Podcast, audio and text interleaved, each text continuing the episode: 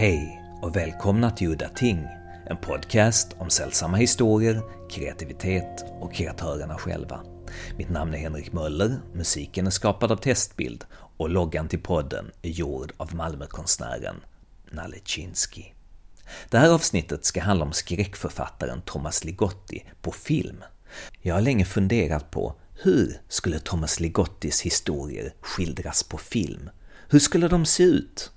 Min vision är skitig, smutsig socialrealism, som Ken Loach, eller kanske Mike Lee i Mike Lees Naked med David Thewlis i huvudrollen.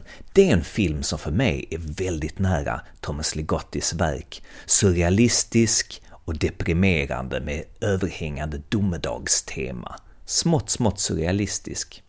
Idag ska vi titta på de som har lyckats. Men vi kanske ska börja från början, för Ligotti själv har ju faktiskt försökt att slå sig in på manusmarknaden. Tillsammans med sin vän Brandon Trens skrev de Crampton, ett ofilmat tv-avsnitt till gamla The X-Files som senare utvecklades till ett långfilmsmanus. Också det oproducerat. Ligottis agent vid tillfället, Michael Schlein, sa att han även skrev ett långfilmsmanus baserat på en av sina historier. Nej, Ligotti själv hade ingen tur när det kom till att få sina manus producerade, men ett par filmare har faktiskt lyckats.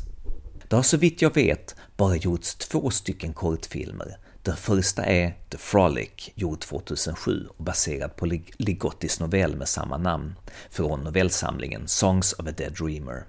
The Frolic känns som en typisk första filmatisering och rekommendation att läsa till någon som inte har läst Ligotti förr. Det är kanske hans mest normala novell, och det är inte förrän i slutet som den drar gasen i botten i sann Ligotti-misantropisk anda. Den andra kortfilmen, In a Foreign Town, regisserad av Michael Schlein, som jag såg nu i augusti på Necronomicon i Providence, det är en filmatisering av Ligottis Gas Station Carnivals, en av mina egna Ligotti-favoriter. Om en liten pojke som blir förd av sin pappa till en så kallad Gas Station Carnival, en bensinstation bakom vilken ligger ett nedgånget nöjesfält med en sunkig sideshow där, den, där de uppträdande har fula heltäckande kostymer där man liksom kan se bensinmax-overallerna sticka ur nere vid anklarna. Huvudattraktionen där är en mystisk figur kallad The Showman, som alla som ser honom intuitivt förstår att han har ett groteskt, monstruöst ansikte. Han står med ryggen mot publiken och hotar att vända sig om och visa sig gång på gång och den lilla pojken blir såklart djupt traumatiserad. Så i detta avsnittet så intervjuar jag regissören till filmen In a Foreign Town, Michael Schlein.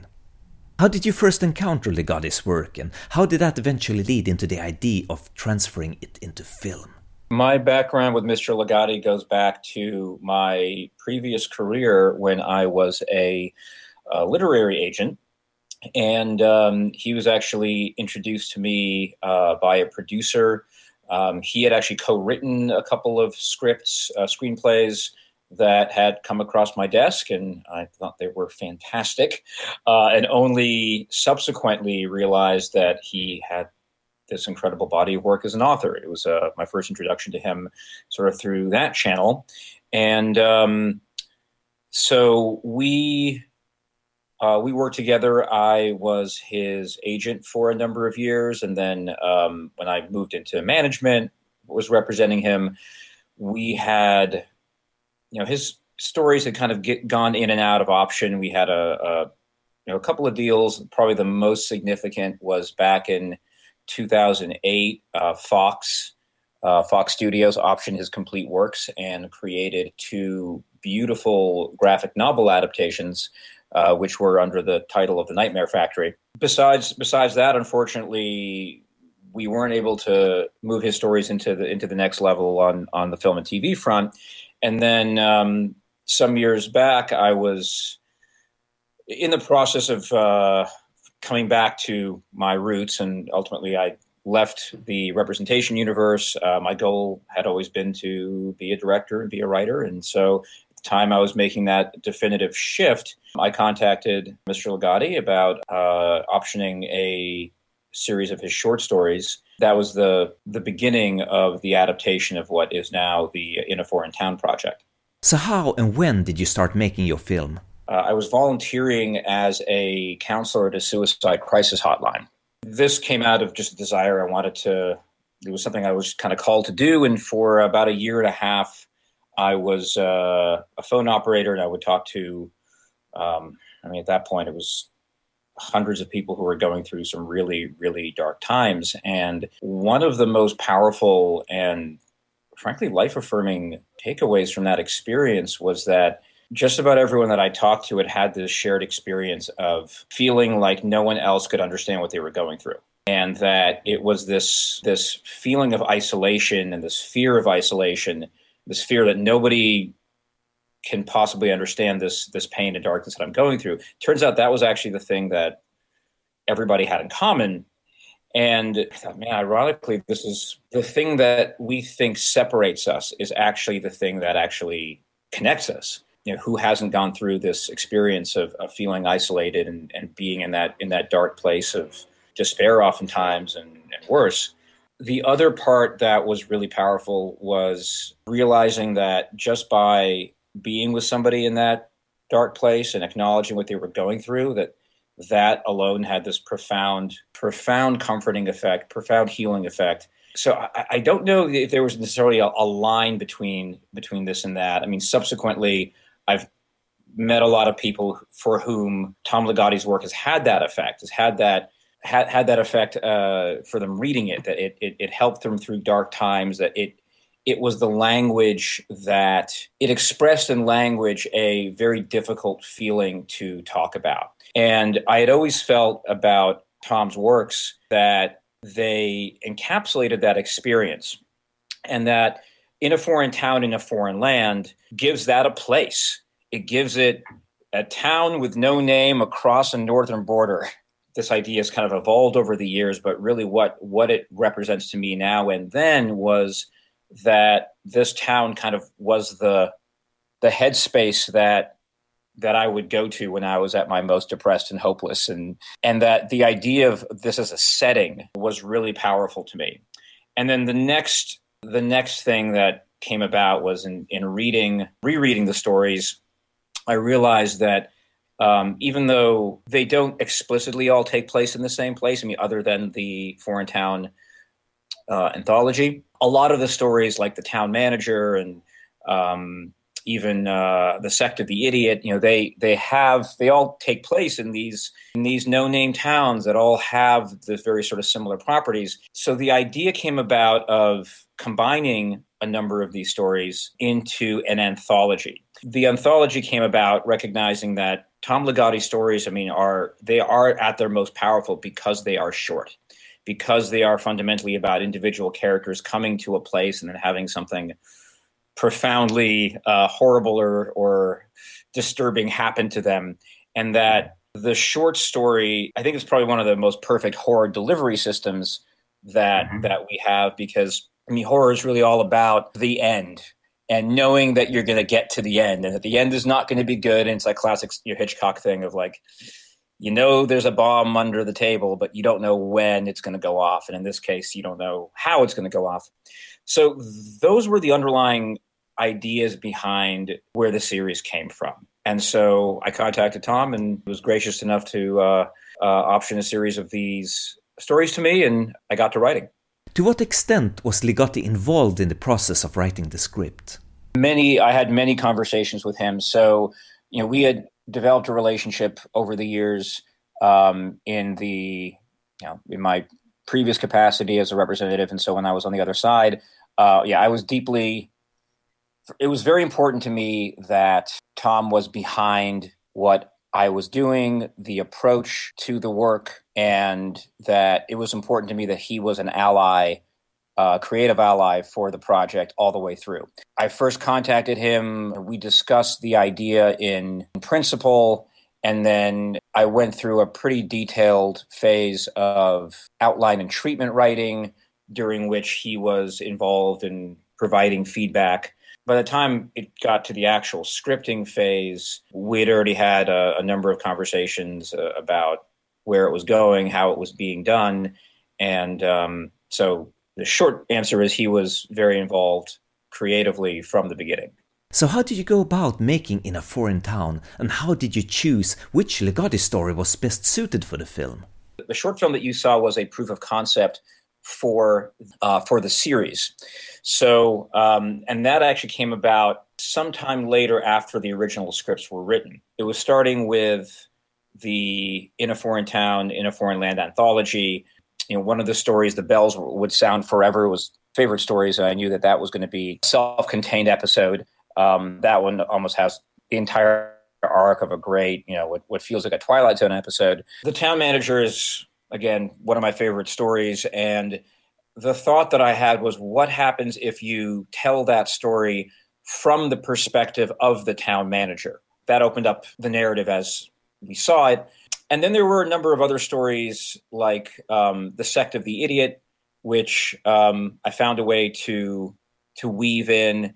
And you know, what I really loved about that story is this notion that you have a town where these entities are perched somewhere in an attic, and they are the secret puppet masters not only of the town but possibly of the universe itself. So that element was really exciting and, and tasty to me. One of the other stories that I was fascinated with and felt like it belonged in this world was our temporary supervisor, which for me just presented this wonderful opportunity to create this factory and this this nightmarish factory that lives on the outskirts outskirts of this town going with this theme that there is something terrible and unspeakable that is secretly running this town and possibly the universe itself. So they were all the stories were connected by themes and elements that I felt would organically fit with each other. When I was looking for examples and um, when I was looking for inspiration about how to structure it, one of the touchstones for me was Frank Miller's Sin City, and in particular, how Robert Rodriguez uh, in the feature film version combined specific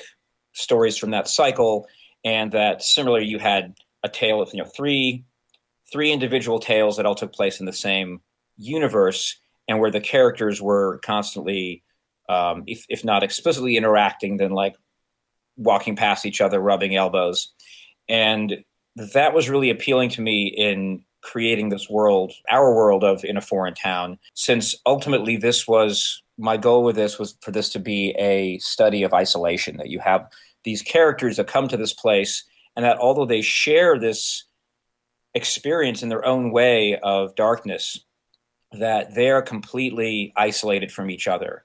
And if they were only to reach over and share their experience, maybe something could be better. But of course, in this world, they never do. Um, so in that way, another another touchstone was um, Kieslowski's Decalogue, where you have these different characters who are you know, living in the same apartment building, but they're all kind of isolated in their own world, which is very much to me the world that we largely live in right now.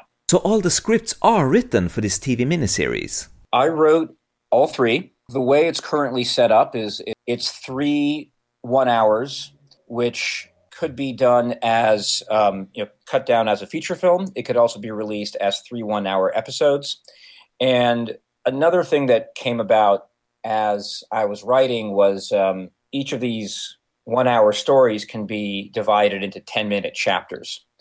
And the idea there was, um, well, the idea there then and now was that this anthology could be ostensibly released in different mediums. So whether it's on a VOD streamer like Netflix, or um, as a feature film, or potentially as short form 10 minute episodes um, on mobile or digital. So now, if we segue into the short film in a foreign town. It was an interesting situation because uh, I did shop it around to a limited extent, um, sent it to a few people in the in the studio um, studio and television world. And one of the things that I ran into, not surprisingly, was there was a big open question about okay, how is this going to look? Since the essence of the story, the, the essence of this world is that it is a place that exists in this dimension between dreams and reality. So, um, you like the Twilight Zone, it's not a place that has a place or has a time.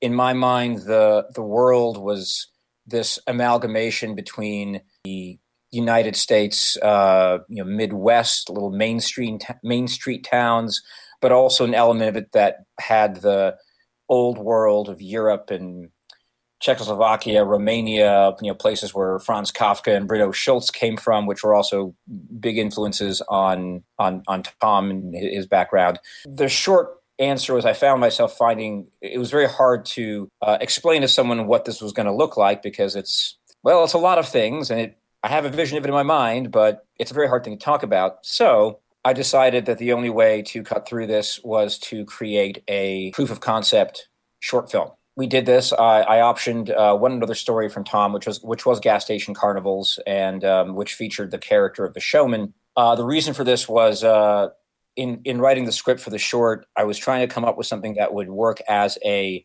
standalone story, like a mini story from that world that would introduce the world of Foreign Town, and that would also have the structure, which is a character comes to this town and gets subsumed in their own personal nightmare in a certain way. So, uh, gas station carnivals, uh, bringing in the character of the showman to this, um, the goal there was that he, me, represented the town and represented the world of Thomas Ligotti in a certain iconic way. Um, and so that was the choice about bringing that character into the uh, the prequel short. So the next question is a technical one. What filmic techniques did you envision using to get that Ligottian feeling, the mood? Creating the look and feel of the town was absolutely pivotal. That was a place that had to feel real in a certain way, and it also had to feel like it belonged in the dream. And to me the experience is that you know when we are dreaming while we're in that space eh, no matter how weird things may seem upon waking up we're in the dream everything seems normal the the town had to feel like a place that one could actually navigate and one of the early influences was uh, german expressionism and so when we were constructing the look and feel of the town and particularly some of the exteriors that was a big touchstone. Uh, the cabinet of Dr. Caligari, everything that kind of came out of that space, Nosferatu. We shot it at Universal Studios, um, which had that Midwest Midwest street that we were able to use. But then it was adding some distortion to it in visual effects. Uh, you know, in post production, it was you know this town from the beginning was always going to have a lot of fog. It, it, kind of operates under dream logic. So one of the things we did were um, you know there was certainly a visual effects component, but also marrying it with uh, with practical effects, practical fog. Pretty much anything we had that had a digital component also had a physical component, of physical, um, you know, whether it was the the makeup on the showman or certain props and things in town. Um, and, and, that was actually a way of honoring that that line between the physical and the ephemeral. We tried to bring um, the, you know this uh, this this Japanese concept of wabi sabi, which you know shows up in um, some of other some of Tom's other works. What is wabi sabi? Wabi sabi, yeah, it's um, it's the beauty of imperfection and transience. So it's a it's an aesthetic concept that will show up in design and, and so forth. Really tried to bring that out when we were creating the the clinic space in the opening scenes of the short where I really wanted to try to create a uh, a mental hospital that nobody would ever want to wake up with. Not that anybody wants to wake up in a mental hospital, but this one in particular, um, we really went pretty far in trying to push the aesthetics of of decay. There's a lot of lot of collaboration with our production designer in you know trying to create spaces. This was another piece. We we tried really hard to create spaces that were going to have texture. Pulled a lot of um, inspiration from um, uh, Andrei Tarkovsky and uh, Stalker in particular, where I think one of his many many geniuses is uh, creating cinema that that has this incredible incredible texture that you feel you can you can reach out and you can touch it, and it and so much detail goes into kind of creating those decaying spaces. So we, we looked a lot at um, uh, Tarkovsky's approach for for texture and um, the way he handled decay in his films. Do you have anything you want to add that I forgot to ask? Well, one interesting thing, I mean, this would be of interest to Tom Ligotti fans would be um, to talk about the music for a moment. So, the music for the film was primarily licensed from um, Current 93, uh, David Tibet and uh, Andrew Liles, uh, who they're an amazing, uh, they're part of an amazing uh, experimental band from the UK called Current 93.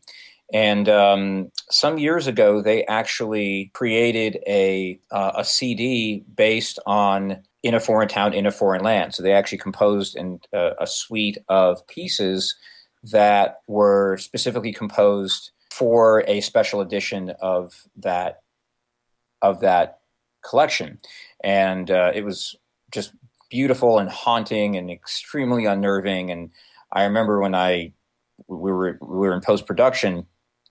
When we were in post production on the short film, I thought that there would be no better soundtrack for the film than uh, than this. So I reached out to David Tibet, and he was uh, extremely gracious in letting us license the uh, letting us license the tracks, which we then cut into the film.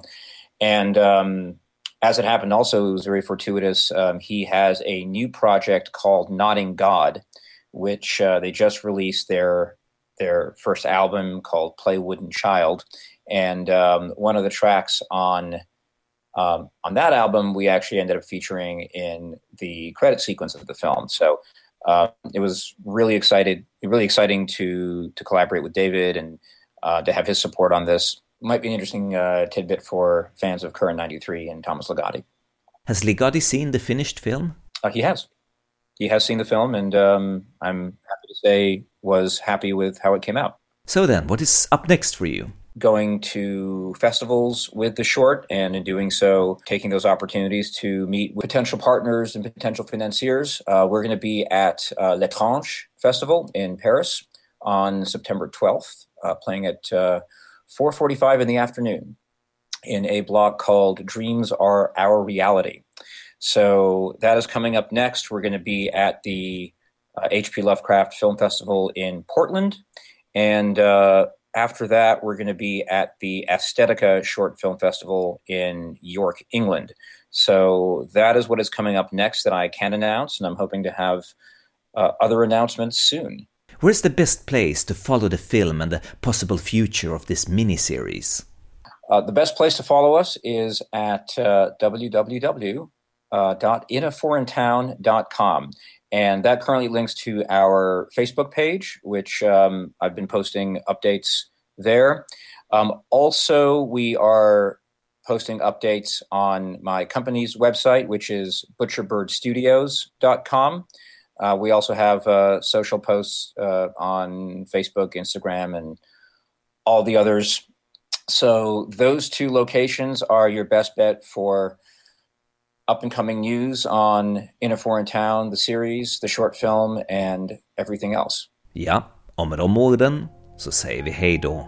Mitt namn är er Henrik Möller, musiken är er skapad av Testbild